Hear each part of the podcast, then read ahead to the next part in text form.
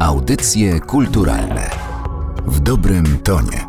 Powodem naszego dzisiejszego spotkania jest setna rocznica urodzin Krzysztofa Kamila Baczyńskiego. Poeta urodził się 22 stycznia 1921 roku i zapisał się w historii polskiej literatury. Dzisiaj porozmawiamy o jego twórczości i biografii.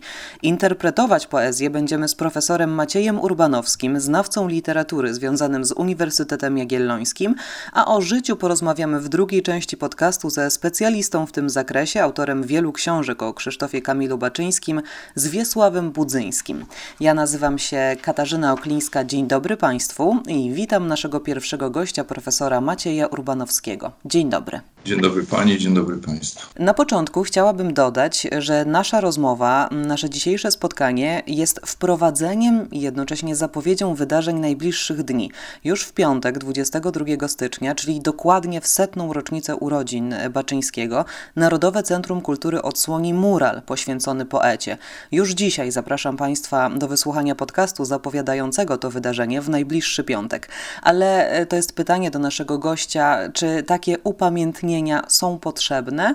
Pytam trochę przekornie, czy twórczość Krzysztofa Kamila Baczyńskiego, twórczość katastroficzna, bo nierozerwalnie związana przecież z II wojną światową, dzisiaj może mieć taką samą siłę rażenia dla czytelników jak kiedyś? Ja jestem zawsze zwolennikiem upamiętniania wielkich polskich twórców a zwłaszcza takich biografii, takich twórczości jak Baczyńskiego, no bo one są biografiami i twórczościami symbolicznymi, mówiącymi o naszej historii, także no, uświadamiającymi nam, można powiedzieć, dzięki komu i dzięki czemu no, jesteśmy tu, gdzie jesteśmy, więc jest to rodzaj takiej wdzięczności dziejowej, ale też no, jakby zwrócenia uwagi na no, takie przełomowe, kanoniczne dla nas teksty postaci sylwetki. A Baczyński no, bez wątpienia jest i takim twórcą, symbolem i jego twórczość, no, myślę, że ciągle jest dla nas ważna, inspirująca. No, o tym świadczą chociażby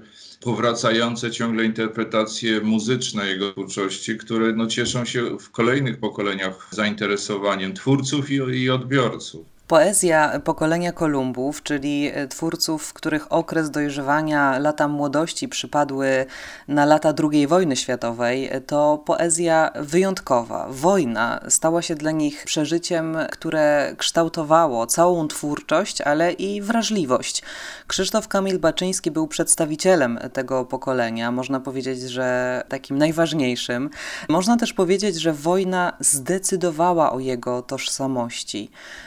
Czasy, w których przyszło mu żyć, zdeterminowały jego życie. Nie było od tego odwrotu. Pewnie odwrót był. Byli tacy twórcy właśnie starszego pokolenia, przykładem Czesław Miłosz, którzy uznali, że w czasie wojny muzy milczą w jakimś sensie, to znaczy, że, że pisarz, poeta ma inne zadania w czasie wojny niż zadanie na przykład żołnierza, prawda? Ten model poeta żołnierza, który realizował Baczyński, a także jego rówieśnicy Trzebiński, Gajcy, Stroiński, z którymi był w pewnym sporze ideowym, ale jednak wiele ich łączyło, no wybrali jakby inno, inny rodzaj aktywności, inny rodzaj także twórczości.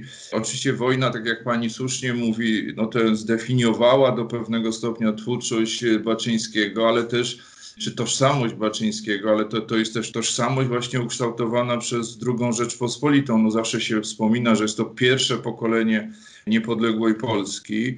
To jest to pokolenie, z którym no także z dzisiejszej perspektywy jakby myślimy nad tym, co by było gdyby, prawda? Bo to było takie pokolenie rzeczywiście wolne i tym bardziej ta wojna była dla nich także katastrofą generacyjną, prawda? To nie była tylko polityczna, ale też katastrofa pewnej generacji, która wchodziła w dorosłość i wchodziła w dojrzałość. Pewne plany zostały zniszczone i, i także pewna wizja świata, w której oni byli wychowywani, więc wojna zmuszała zmuszała ich do, do takich bardzo dramatycznych rewizji. Stąd ten katastrofizm, o którym pani wspomniała, to, to nie jest katastrofizm rozumiany jako taka płaczliwość, jako taki łatwy pesymizm, łatwy smutek, prawda? Tylko to jest katastrofizm, który z jednej strony oznacza, że widzimy rozpad pewnego świata, w którym byliśmy wychowani, pewnych wartości, a z drugiej strony próbujemy te wartości ocalić, próbujemy sprawdzić te wartości, próbujemy też wykuwać te nowe wartości i, i stąd no właśnie takie myślenie także w horyzoncie no, wartości uniwersalnych, bo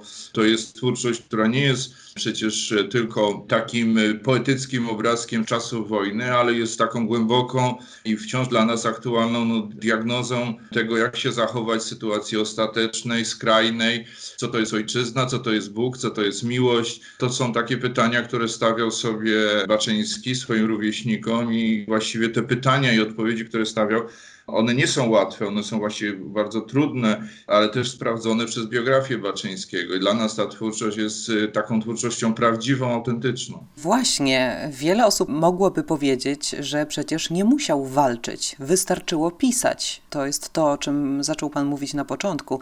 Wydaje mi się, że fakt aktywnego udziału w walce z okupantem i w konsekwencji tragiczna śmierć Baczyńskiego to postawa, która nie jest łatwa do zrozumienia, szczególnie szczególnie przez niektórych współczesnych ludzi, nam współczesnych. To była postawa niełatwa także już dla, dla współczesnych, którzy no poniekąd słusznie stawiali pytanie, to słynne pytanie profesora Pigonia, prawda, o strzelaniu brylantami czy diamentami we wroga, czy nie lepiej w taki czas właśnie jednak tworzyć. I w jakimś sensie Baczyński walczył, no w sensie dosłownym, jako żołnierz podziemia, ale także walczył w takim sensie, że, że no, tworzył, prawda? Ta twórczość też była rodzajem walki no, ocalenia polskiej kultury, która przecież też miała zostać zniszczona w czasie tej wojny. On pokazywał, że polska kultura no, jest w stanie wypracować język, który odpowie na takie wydarzenia. Ale to jest właśnie też ten etos, którym Baczyński i jego rówieśnicy byli wychowani, to znaczy etos niepodległości, wolności, etos, który każe brać odpowiedzialność i za Polskę, ale także za historię, bo to jest pokolenie, które zostało wychowane w takim poczuciu, że my nie jesteśmy takimi biernymi, można powiedzieć, produktami historii, ale my, Polacy, my młodzi, no jesteśmy, czy powinniśmy być twórcami historii, prawda? Więc to jest też poczucie odpowiedzialności za, za rzeczywistość. No i też często się mówi o takim etosie konradowskim, prawda, tego pokolenia, który no, nakazuje być wiernym sobie, walczyć w obronie wartości, nawet y, czy zwłaszcza no, w sytuacji ich zagrożenia, czy zagrożenia własnego życia. Czyli ten taki, mówiono często, kompleks Lorda Jima, prawda? On jest charakterystyczny dla tej formacji. Ale oczywiście no, też biografia Baczyńskiego i twórczość też jest w tym sensie aktualna, że stawia pytania, prawda, wo wobec polskich pisarzy, wobec polskiej kultury, jak powinniśmy się zachowywać w takich sytuacjach, czy tak jak Baczyński, czy inaczej, prawda? Tutaj no, to jest pewien wybór bardzo heroiczny, bardzo z mojej perspektywy piękny i też jakoś będący no, też takim wezwaniem dla nas wszystkich. Baczyński w pewnym momencie zaczął coraz bardziej angażować się w takie bieżące wydarzenia i coraz bardziej o nich pisać. Mam na myśli rok 1942. Mówi się, że od tego czasu coraz bardziej dosłownie odnosił się do wojny. No tak, znaczy to jest cały czas pamiętajmy, że Baczyński ginie, kiedy ma zaledwie 23 lata. To jest wiek dzisiejszego studenta z drugiego, trzeciego roku polonistyki, prawda? Więc był człowiekiem bardzo młodym, ta jego twórczość przechodziła rzeczywiście ewolucję i tutaj nie wiemy, jak ta twórczość wyglądałaby dalej. Jest taki moment, kiedy ona rzeczywiście w sposób bardziej dosłowny reaguje, bardziej można powiedzieć dokumentalny na wydarzenia. Mamy taki nurt poezji trochę tyrtejskiej właśnie, żołnierskiej. Ona jest no, bardziej zakorzeniona w swoim tu i teraz, ale pewnie, no przynajmniej z mojej perspektywy trzeba pamiętać o tej takiej stronie z jednej strony wizjonersko-symbolicznej, baśniowej, fantastycznej w tej, w tej twórczości, która próbuje jakby trochę i uciec albo spojrzeć z dystansem na wydarzenia bieżące. Także o takim elemencie norwidowskim tej twórczości intelektualnym, który próbuje właśnie też znowu w taki sposób bardziej romantyczny. Tak, i romantyczny zarazem spojrzeć na nie tylko na tu i teraz, ale także stawia pytania natury takiej religijnej. No i ten nurt taki prywatny, prawda, i intymny, ten, który bardzo wielu z nas lubi, poezja erotyczna, miłosna, bo przecież miłość jest takim właściwie doświadczeniem ocalającym, między innymi z wojny, z katastrofy u Baczyńskiego, ale nie jest to miłość rozumiana jako właśnie taka ucieczka, prawda, od rzeczywistości tej trudnej i okrutnej. Właśnie, nie możemy zapomnieć o erotykach, które młody Baczyński pisał dla swojej żony i o żonie, Barbarze Drabczyńskiej. Powiedzmy coś więcej o nich. Też piękna część znana legendy biograficznej Baczyńskiego, bo oni się poznali w czasie wojny w kręgu pism Płomienie oraz Droga, gdzie publikował Baczyński, a także Drabczyńska. No i tam rodzi się ta miłość, którą utrwalił także na przykład Jerzy Andrzejewski, no wspominając tę parę jako ludzi bardzo zakochanych, a zarazem niezwykle drobnych, kruchych, delikatnych i, i ta miłość też jawiła się jako symbol no, tego czegoś, co, co wojna zabierała Polakom i współczesnym. Poezji ta miłość no, znalazła bardzo piękne, ale też no, tragiczne, dramatyczne ślady no właśnie takiego doświadczenia jasnego, które ciągle jest uniemożliwiane przez tę okrutną, ciemną rzeczywistość i to jest ta taka najpiękniejsza chyba, czy bardzo piękna część twórczości Baczyńskiego. I po tej pięknej miłości pozostał rękopis Krzysztofa Baczyńskiego, tomik w żalu najczystszym, który to został opatrzony jego rysunkami i wierszami napisanymi przez niego samego tomik został podarowany jego żonie w dniu ślubu, Barbarze Drabczyńskiej i ten rękopis można oglądać na portalu Biblioteki Narodowej Polona, ale obok Krzysztofa Kamila Baczyńskiego pokolenie Kolumbów reprezentują też inni twórcy. To tak jak już pan powiedział, między innymi Zdzisław Stroiński, Tadeusz Gajcy czy Andrzej Trzebiński. Nikt z nich nie przeżył wojny. Wszyscy się znali, choć różnili się i mieli taki, tak jak pan powiedział, powiedział, wewnętrzny spór ideowy.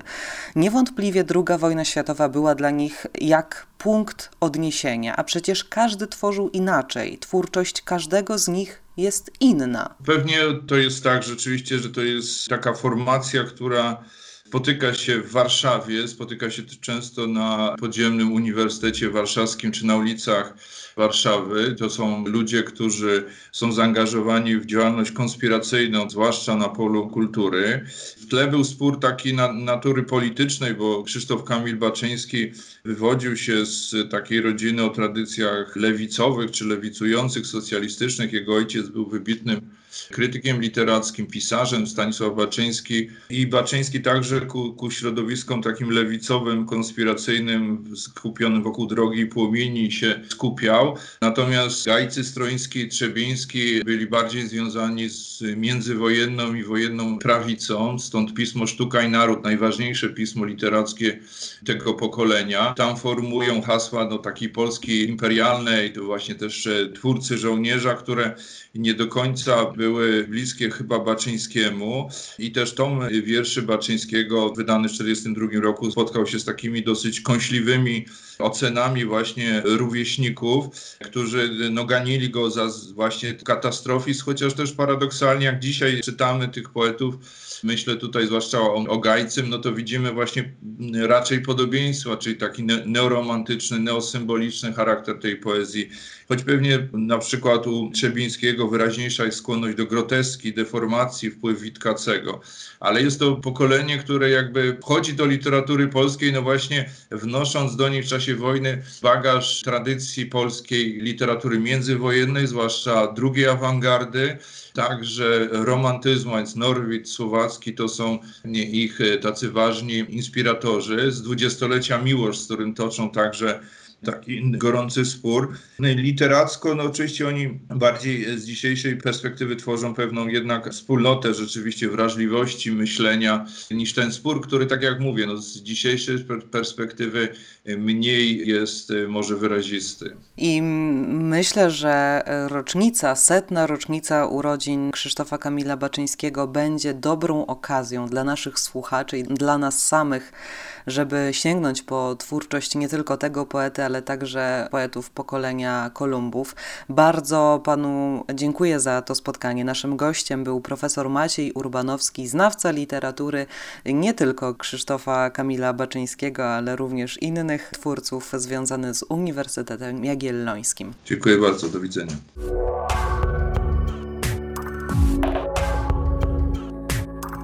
O życiu i tragicznych wojennych losach, które zdeterminowały twórczość Krzysztofa Kamila Baczyńskiego, porozmawiamy ze znawcą tej postaci i autorem wielu książek o poecie Wiesławem Budzyńskim. Dzień dobry. Dzień dobry. Pretekstem naszego spotkania jest setna rocznica urodzin poety, która przypada dokładnie 22 stycznia. Można więc śmiało stwierdzić, że gdyby nie wojna i śmierć przez postrzelenie na placu teatralnym w Warszawie w sierpniu 1944 roku, Krzysztof Kamil Baczyński mógłby żyć, a przynajmniej dożyć naszych czasów w wieku XXI. Zabawmy się w co by było gdyby, zanim zaczniemy mówić o faktach. Myśli pan, że Baczyński pozostałby wierny tematyce wojennej, jak wielu przedstawicieli pokolenia Kolumbów, którzy przeżyli wojnę? Raczej nie. Jego wepchnęła w poezję wojna. Znaczy odwrotnie.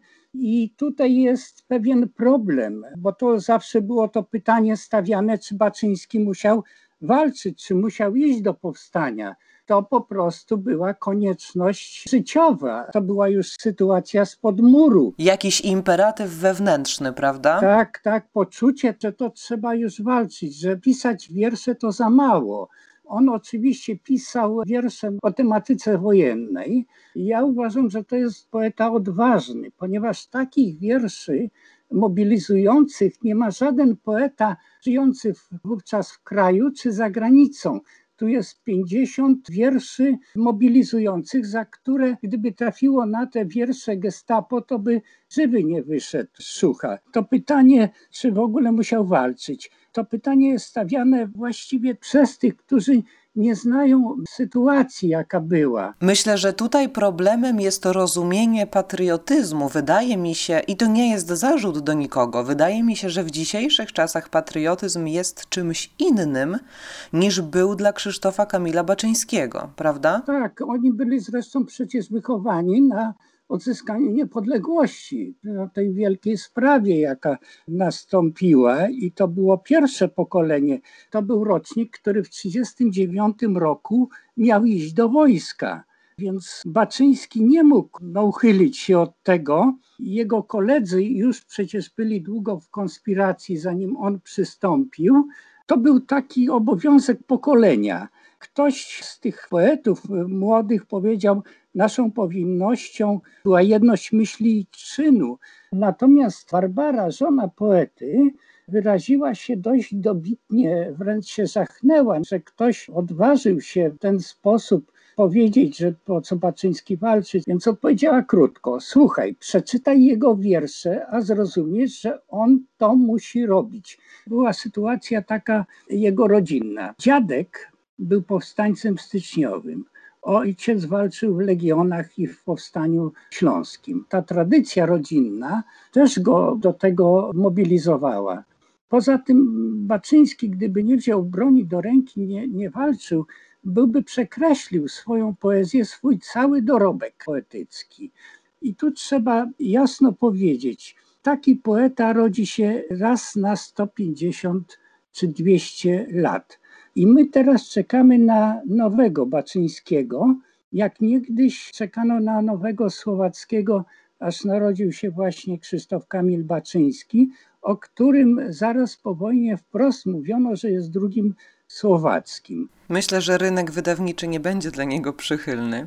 Ale tak jak pan powiedział, dla Baczyńskiego wojna była wszystkim. Zdeterminowała jego poezję. Widać to w tej poezji. Poświęcił się walce i oddał życie za Polskę. Choć to bardzo patetycznie brzmi, ale tak było w istocie ta jego śmierć była przypadkowa, daleka od romantycznej. To była właśnie wojna. Śmierci tych przypadkowych było dużo. To znaczy, ja tu chciałem jasno powiedzieć, Baczyński był w takim oddziale, który miał doskonałe dokumenty bo to były Zośka i Parasol, o których w okresie PRL-u mówiono o jakichś takich młodych gówniarzach, jakichś, przepraszam za słowo, ale tak to było. I właściwie no mówiono Zośka Parasol, ale nigdy nie mówiono na przykład profesor Wyka, który ma duże zasługi, jeśli chodzi o poezję Baczyńskiego, nigdy nie powiedział, że Baczyński należał do AK. To było jakieś takie omijanie tego problemu, Ja myślę, że sądził, że może jak zacznie akcentować, to, to komuniści nie pozwolą wydawać Baczyńskiego, prawda, bo to był mhm. problem. To były oddziały specjalne Armii Krajowej. Jedyny właściwie takie oddziały specjalne. Baczyński był dumny, że jest wśród takich ludzi. W sensie wojskowym Baczyński był żołnierzem zawodowym, dlatego że oni wszyscy ukończyli podchorążówkę. Tu trzeba to akcentować, dlatego że to nie był przypadek. Tu został rzucony cichociemny z zadaniem zorganizowania takich grup. Najpierw Zośki, czyli jednego oddziału, potem powstał Parasol. I on miał za zadanie wybrać młodych ludzi, tak zwanych dobrych domów, zdyscyplinowanych, na których można polegać, a nie na jakichś, prawda, chuliganów. Oni mieli doskonałe dokumenty podrobione i przez te dokumenty nikt z nich nigdy nie wpadł w ręce gestapo.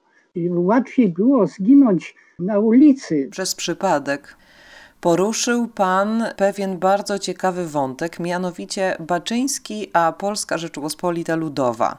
To jest bardzo ciekawy temat do rozmowy. Jak to się stało, że Krzysztof Kamil Baczyński w PRL-u był pamiętany, mimo że właśnie należał do Armii Krajowej? Tak, to przedarcie się Baczyńskiego, znaczy ta jego wielka poezja się przedarła. Komuniści próbowali oczywiście, jak to się mówi, usynowić poetę. Próbowano z niego zrobić lewicowca. Już w okresie wojny Baczyński był ceniony przez na przykład Iwaszkiewicza, Andrzejewskiego. To byli starsi poeci. Tutaj pewnego rodzaju jest spotkanie z Miłoszem. Miłosz kiedyś po spotkaniu poetyckim do Baczyńskiego powiedział: No, ty chyba będziesz większy ode mnie a Baczyński na to, ja już jestem większy od ciebie. No i, i to była prawda. My zresztą w XX wieku mieliśmy całą plejadę znakomitych poetów i ta wielkość ich wykracza daleko poza Polskę i trudno w Europie nawet znaleźć któreś państwo, które by z nami tak konkurowało. Ale oprócz wojny na Krzysztofa Kamila Baczyńskiego wpłynęła także miłość do kobiety, Barbary Drabczyńskiej, dla której pisał erotyki. To druga twarz poety i twórczość równie ważna dla jego czytelników. Do dzisiaj. Tak, oczywiście. Tu jest też blog na który zwrócił profesor Wyka, blok wierszy miłosnych. Nie należy nazywać tego erotykami, bo to jest zupełnie coś innego, właśnie wiersze miłosne. To jest taki blok, który według profesora Wyki nie występuje nigdzie w poezji europejskiej, tak duży blok takich wierszy. Zresztą Baczyński jest poetą różnorodnym. Tu trzeba powiedzieć, że jego dorobek mimo wczesnej śmierci, prawda, w wieku 23, prawie 4 lat, to on napisał przez te 5 lat, właściwie 4 lata wojny, 500 wierszy. To jest tyle, ile poeta 70-letni mógłby napisać w czasie całego życia. Rzeczywiście ta liczba robi ogromne wrażenie, zważywszy, że Krzysztof Kamil Baczyński zmarł w wieku 23 lat. Bardzo dziękuję za to spotkanie. Moim i Państwa gościem w audycjach kulturalnych był znawca twórczości Krzysztofa Kamila Baczyńskiego, pan Wiesław Budzyński, któremu bardzo dziękuję za poświęcony czas. Ja dziękuję. Audycje kulturalne w dobrym tonie.